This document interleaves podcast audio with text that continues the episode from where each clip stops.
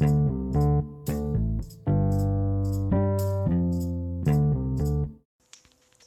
Dobra, Noc Wynalazków to drugi wynalazek. Proponuję taki.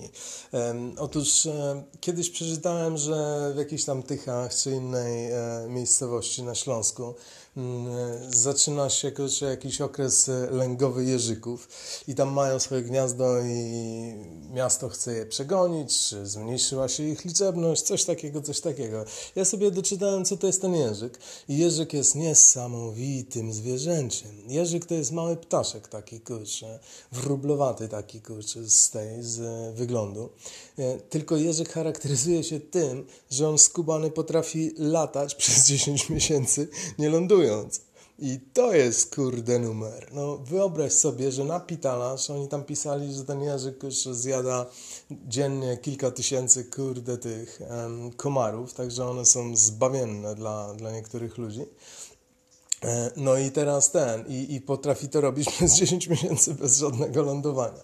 No i właśnie, jak on to robi, kurczę? No bo wydawałoby się, że jest to po prostu niemożliwe. Co on, kurde, nie śpi? No i okazuje się, że są zwierzęta, które potrafią spać połową mózgu. Właśnie sobie kurczę, oglądam jakiś tam wywiad i gościu wspomniał, nie wspomniał o jeżykach, bo on pewnie ich nie zna, to jest Brytol, ale powiedział, że są te otters. E, kurde, jak się nazywa to zwierzę? Otter. Wy, wydry? Chyba tak. nie, wodne takie, kurczę, oter w każdym razie.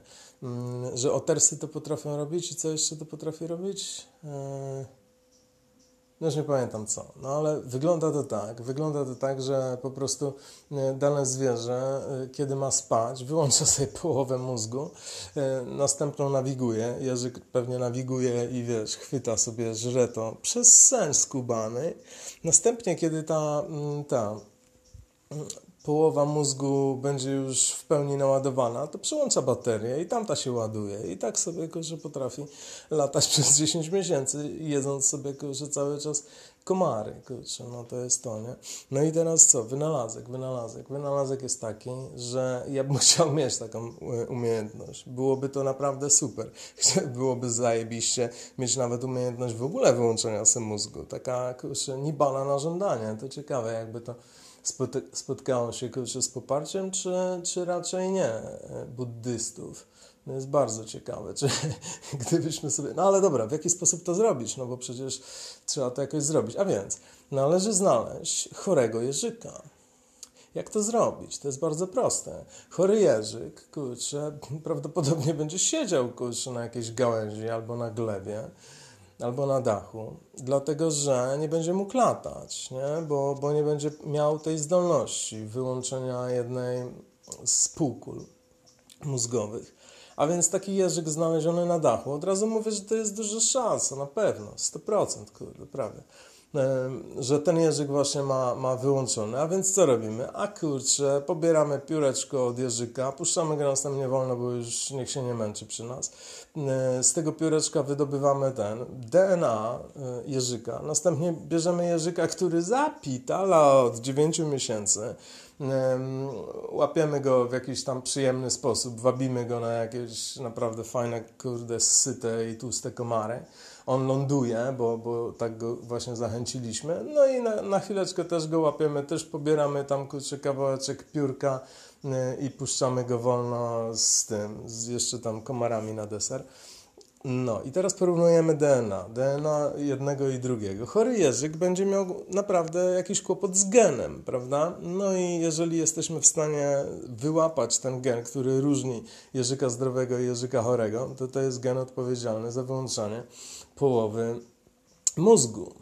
No, tak jak, no ja, ja, się na tym znam, także mówię, że jest praktycznie 100% prawdopodobieństwo, że tak właśnie jest. Nie? No i ten. Mm, następnie, y, następnie bierzemy po prostu człowieka y, w zestawie z CRISPRem, który już jest skonfigurowany tak, żeby właśnie nam wszczepić taki genik, kurczę, bo na pewno do jeżyka to my mamy tam różnica z jeżykiem, to przy mojej wiedzy, przy, przy, wszystkich, e, przy wszystkich publikacjach naukowych, które na ten temat napisałem, to myślę, że podobieństwo z Jerzykiem mamy na poziomie 80%.